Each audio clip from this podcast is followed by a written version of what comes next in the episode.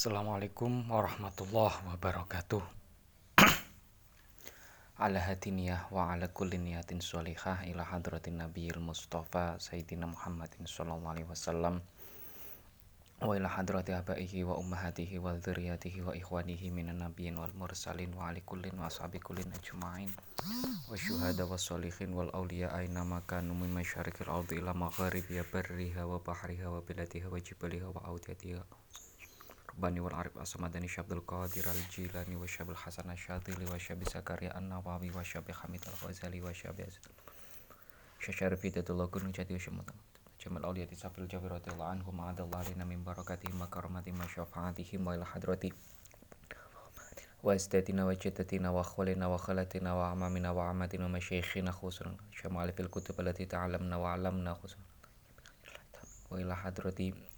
khalatina wa amamina wa amatina wa masyaikhina khusunan syamali fil kutub allati ta'alamna wa alamna khusunan wa ila hadrati Hajar al Asqalani wa ila hadrati jamil masyayikh Nabi Allah Khidir alaihi salam Syekhuna Khalil Bangkalan Syashi Masyari kan Syam Razuki dalam Syam Rasul Syam Marzuki Allah ya minhum al amat min umat Sayyidina Muhammadin sallallahu alaihi wasallam Al-Fatihah Alhamdulillahi rabbil alamin arrahmanir rahim maliki yaumiddin iyyaka na'budu wa iyyaka nasta'in ihdinas siratal mustaqim siratal ladzina an'amta 'alaihim ghairil maghdubi 'alaihim waladdallin amin Terima kasih teman-teman Alhamdulillah kita bisa melanjutkan pelajaran kita belajar bareng kita terkait kitab Bulughul Maram ya. kita melanjutkan hadis yang kemarin. Kemarin kita sudah dari An Abi Qatadah itu ya.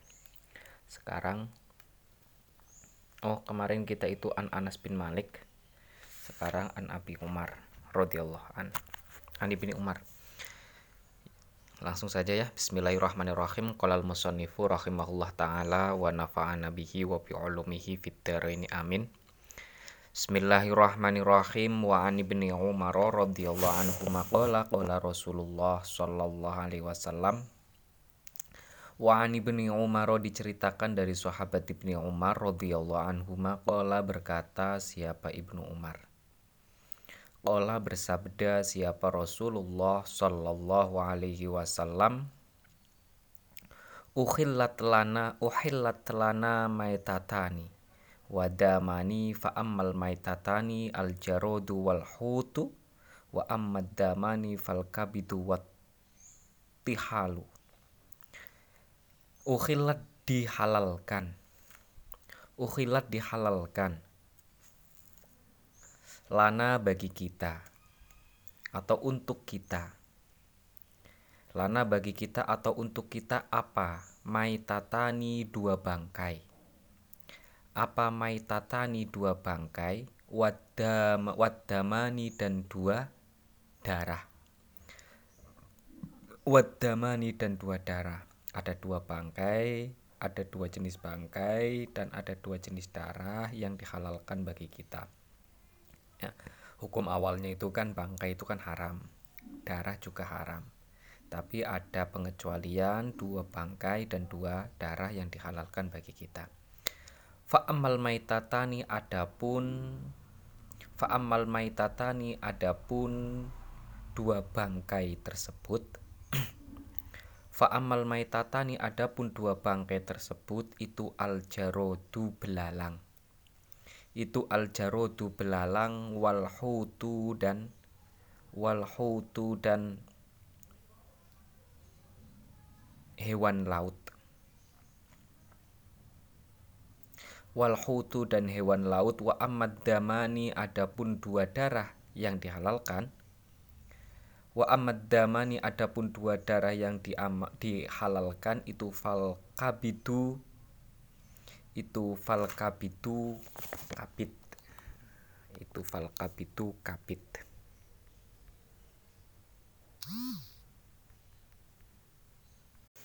Al kabidu hati Wattihalu dan tihal limpa. Wattihalu dan limpa. Akhroja mengeluarkan pada hadis siapa Ahmadu Imam Ahmad wa Ibnu Majah dan Imam Ibnu Majah wa fihi dan di dalam hadis du'fun ada kelemahan du'fun ada kelemahan.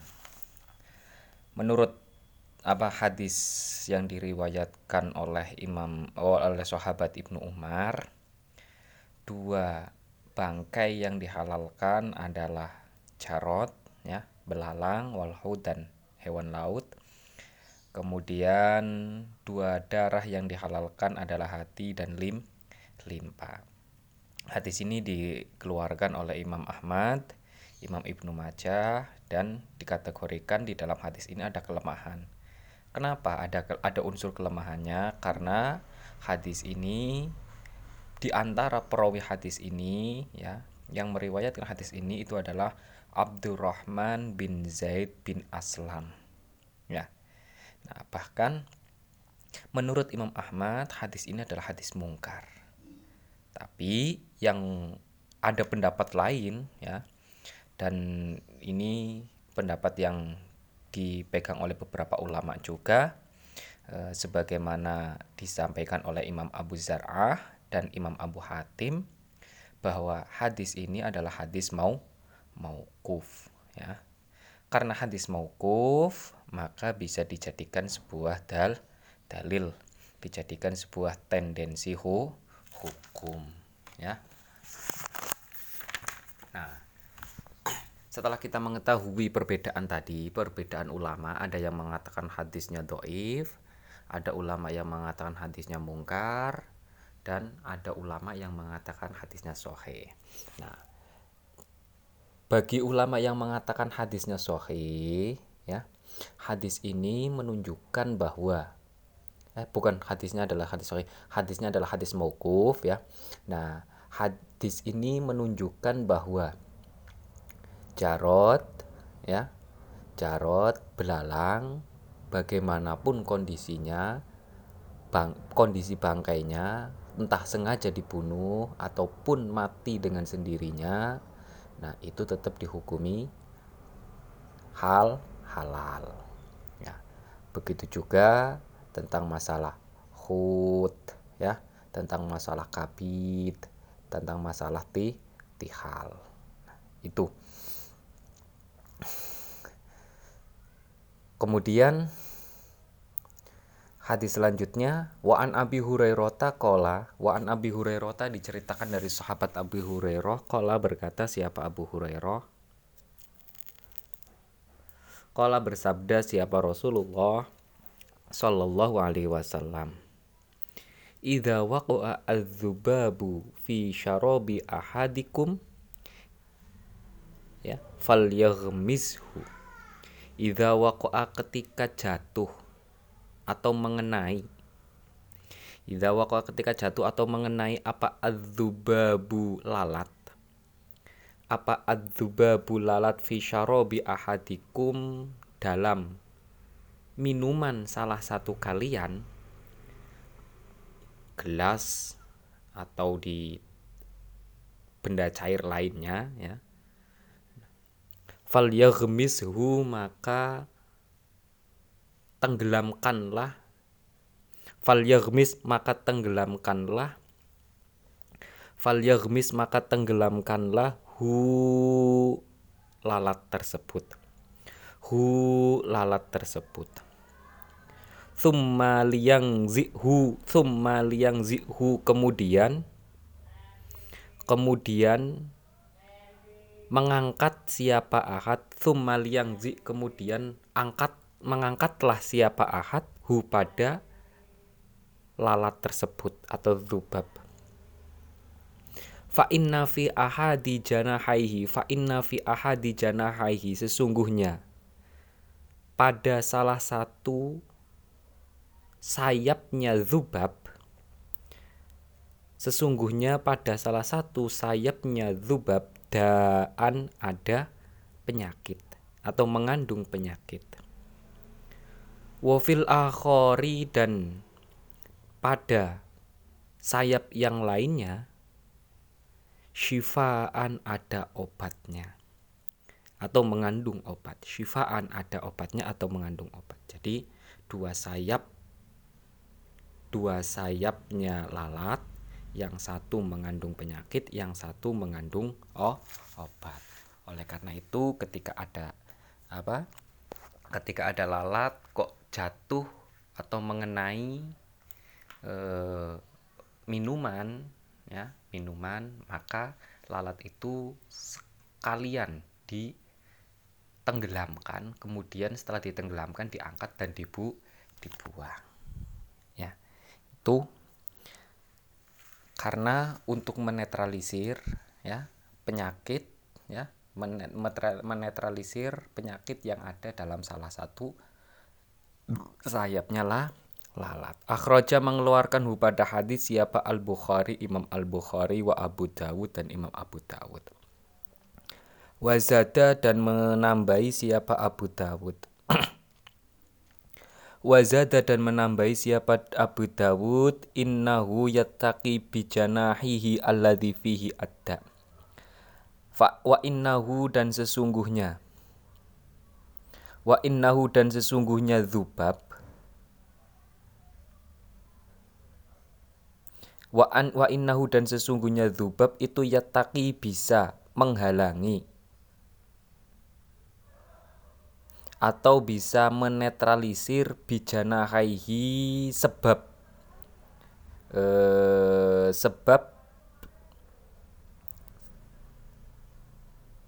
bijana hihi sebab sayapnya dzubab alladzi fihi yang mengandung penyakit penyakit yang mengandung penyakit. Nah, hadis ini dikeluarkan oleh Imam Abu Dawud, eh, Imam Al Bukhari dan Imam Abu Dawud. Meskipun Imam Abu Dawud juga menambahkan, ya, menambahkan hadis tersebut dengan lafadz wa innahu yattaqi bijanahihi alladzi fihi adda. Nah, hadis ini adalah sebuah dalil, ya, sebuah argumen sebuah apa ya sebuah pijakan boleh membunuh hayawan ya boleh membunuh hayawan apabila membunuhnya ini dengan tujuan untuk menghilangkan sebu menghilangkan kerusakan ya untuk menghilangkan kerusakan atau untuk me untuk menghilangkan kerusakan, untuk menghilangkan kemaldorotan, untuk menghilangkan penya penyakit. Ya, membunuhnya itu nggak masalah. Dengan tujuan itu ada faktornya. Faktornya apa? Daf'ud doror atau mengangkat atau menghilangkan kerusakan, menghilangkan bahaya bahaya, ya kan? Kalau tidak di kalau tidak ditenggelamkan, otomatis kan yang yang terkandung apa yang yang tercemar di air, yang tercemar di minuman kita itu adalah penyakitnya, ya kan? Nah, kalau kita tenggelamkan, nah otomatis akan ternetral apa akan penyakit itu akan dinetralisir dengan eh, dengan obat yang ada dalam lalat itu sendiri. Nah, masalahnya ketika kita me, menenggelamkannya ya untuk menetralisir itu efeknya adalah menyebabkan lalat itu meni meninggal. Nah, ini kalau tujuannya membunuh apa tujuan membunuh ini adalah untuk menetralisir menetralisir penyakit, menetralisir bahaya itu tidak masalah masalah. Nah, tapi setelah itu dibuang. Karena apa? Karena lalat itu termasuk bang bangkai. Tidak boleh untuk dimi, dima, dimakan. Tidak boleh untuk dimakan. Nah hadis ini juga menjadi sebuah bukti menjadi sebuah dalil bahwa air yang terkena lalat ya air yang terkena apa air yang tersentuh dengan bangkai lalat meskipun airnya kurang dari dua kola atau airnya sudah mu apa sudah mustakmal ya kan itu tidak menyebabkan air itu nah najis. Hukum awalnya kan ketika air kurang dari dua kola, ya kan? Ketika air kurang dari dua kola kok terkena bangkai, ada ulama yang mengatakan bahwa air itu menjadi na najis, ya kan? Lalatnya ini kan bangkai jadi bangkai. Ketika sudah ditenggelamkan otomatis kan meninggal dan menjadi bangkai. Nah, tapi dalil ini e, kalau yang kalau kalau air itu ter, tersentuh dengan terkena atau tercampur dengan bangkai lalat nah air apa air tidak menjadi na najis atau tidak menjadi mutana mutan najis ya. Di sini paham ya? Nah terus apakah hanya lalat? Atau ada ada ada ada hewan-hewan lainnya yang hukumnya sama dengan lalat nah dalam kasus dalam kasus dalam kasus apa dalam kasus menyebabkan najis atau tidaknya air ya ulama ini mengambil sebuah ilat mengambil sebuah dasar yang menyebabkan najis itu apa ya yang menyebabkan najis itu apa bangkai yang bisa menyebabkan air itu menjadi mutan najis itu apa. Nah karena yang menjadi yang faktornya faktor yang menentukan itu adalah damnya darahnya ya darah yang mengalir di hewan ya darah yang mengalir di hewan maka bukan hanya lalat yang tidak menyebabkan sebuah air yang kurang dari dua kola ketika apa ketika tercampur itu menjadi najis ulama itu me melebarkan melebar mele, lebih melebarkan lagi selama hewan-hewan itu tidak memiliki darah yang mengalir di dalamnya kok menyentuh air kok bangkainya menyentuh air atau bangkainya tercampur dengan air yang kurang dari dua kolah air itu tidak menyebab tidak menjadi mutana mutanajis. Berbeda dengan bangkai yang ketika hidupnya itu ada darah yang mengalir di dalamnya. Ya, ada darah yang mengalir di dalamnya. Nah, kalau kasusnya seperti ini, maka apabila mengen, apa apabila dia sudah mati dan mengen, dan bangkainya itu mengenai pada air yang kurang dari dua kolah, airnya menjadi mutana mutanajis. Ayam ya, ayam mati menjadi bangkai, kemudian jatuh ke timba yang kurang dari satu kola ya yang kurang dari dua kola. Nah maka timbanya itu menjadi mutana mutanajis. Beda dengan apa kala jengking ya kala jengking yang mati kan jadi bangkai. Kemudian jatuh ke timba yang airnya kurang dari dua kolah airnya tidak menjadi mutanajis. Lah bedanya apa? Bedanya kalau ayam ketika hidup itu ada darah yang mengalir di dalamnya. Nah, kalau kala jengking itu ketika hidup tidak memiliki darah yang mengalir di dalam di dalamnya. Itulah yang menjadi faktornya. Itu yang menjadi perbedaannya. Nah, kemudian lanjutnya Wa'an Abi Waqid diceritakan dari sahabat Abi Waqid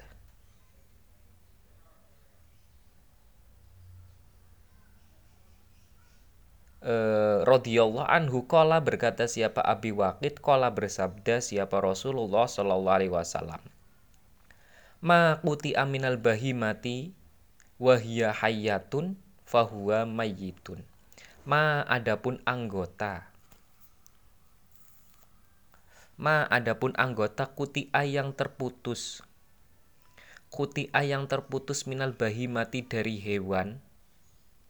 Minal bahi mati dari hewan wahia adapun hewan tersebut wahia adapun hewan tersebut itu hayatun masih hidup itu hayatun masih hidup fahuwa maka adapun makutia fahuwa maka adapun makutia itu mayitun adalah bangkai itu mayitun adalah bangkai akhraja mengeluarkan pada hadis siapa Abu Dawud, Imam Abu Dawud, wa dan Imam At-Tirmidzi.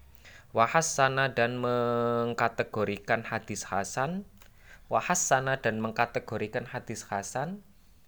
Siapa At-Tirmidzi, wahasana dan mengkategorikan hadis hasan siapa At-Tirmidzi? Hu pada hadis makuti aminal bahima. Hu pada hadis makuti aminal bahima. Walafzu adapun lafadznya hadis itu lahu miliknya At-Tirmidzi. itu lahu miliknya At-Tirmidzi. Nah, dari apa sahabat Wakid ini Abi Wakid ini menceritakan sebuah hadis ya bahwa Kanjeng Nabi pernah bersabda apabila ada hewan ya hewannya masih hidup kemudian ada bagiannya yang terputus umpamanya ekornya dia masih hidup kemudian ekornya putus. Nah maka ekor yang putus ini menjadi bang bangkai ya. Maka ekornya yang putus ini menjadi bang bangkai. Karena menjadi bangkai maka tidak boleh dikonsumsi atau dima dimakan ya. Itu gambarannya begitu. Mungkin untuk pertemuan kita kali ini cukup tiga hadis dulu ya kita akan melanjutkan pada bab ania ania dalam pertemuan yang akan datang. Semoga apa yang kita pelajari bisa bermanfaat. Alhamdulillahirabbil alamin. Allahumma inna nastauti'uka ma'allam tanah fardid ilaina indah hajatina ilaihi ya rabbal alamin. Kurang lebihnya mohon maaf. Bila taufik wal hidayah. Wassalamualaikum warahmatullahi wabarakatuh.